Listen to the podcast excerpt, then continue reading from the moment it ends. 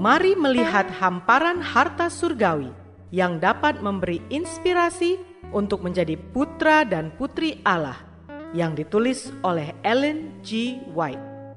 Melalui renungan pagi ini, kita akan mempelajari nasihat yang menguatkan dan memberi semangat untuk memperbaiki karakter kita.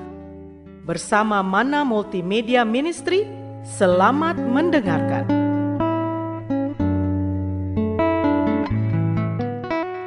Shalom, selamat pagi saudaraku. Renungan pagi kita hari ini tanggal 19 September berjudul Para Pembela Iman. Bersama saya, BJ Aritonang. Ayat intinya diambil dari buku Yudas ayat yang ketiga. Demikian firman Tuhan.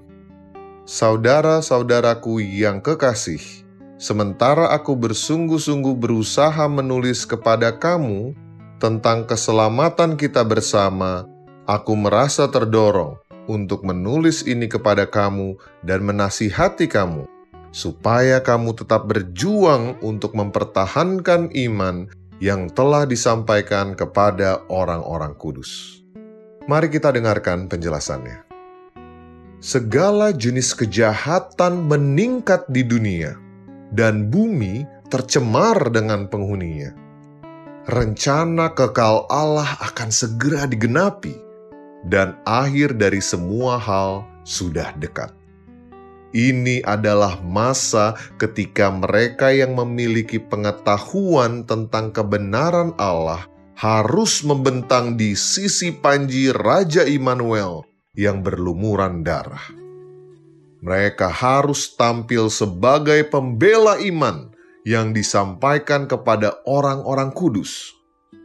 Mereka harus menyatakan kepada dunia untuk menuruti perintah-perintah Allah dan memiliki iman kepada Yesus.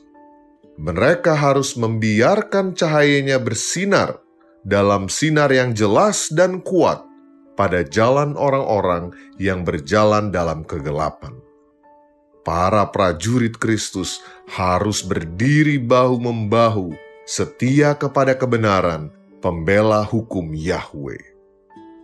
Mereka yang menyimpang dari peraturan-peraturan Allah yang jelas itu akan mendukung kekeliruan dan berbaris melawan para prajurit Kristus.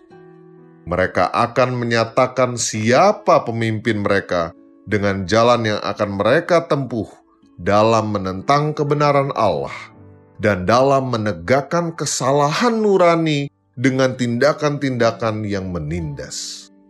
Sekarang saatnya mengambil sikap yang tegas di pihak kebenaran, dan sebagaimana Allah telah memberikan kepada setiap orang pengaruhnya, ia harus mengerahkannya untuk kemuliaan Allah dan untuk kebaikan rekan-rekannya. Tidak seorang pun dari pelayan Kristus yang setia akan menganggur pada saat seperti ini, atau akan puas hidup hanya untuk diri sendiri. Mereka yang berada dalam persekutuan dengan Kristus akan menyadari bahwa ada jiwa-jiwa di setiap pihak yang mungkin diuntungkan dengan bantuan, teladan, dan pengaruhnya.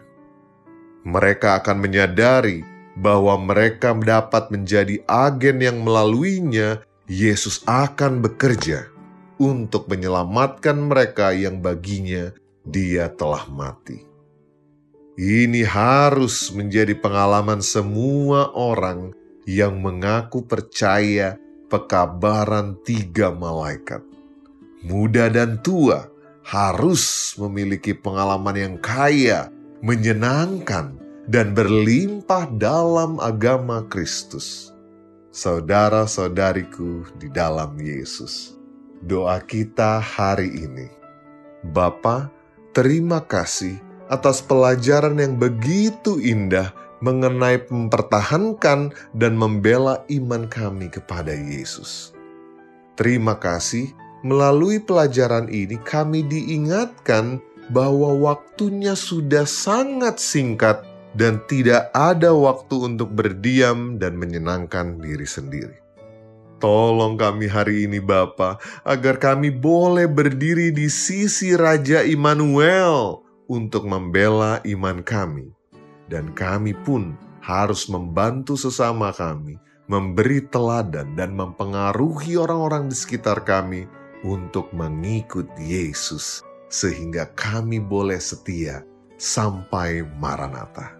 Dalam nama Yesus kami berdoa. Amin.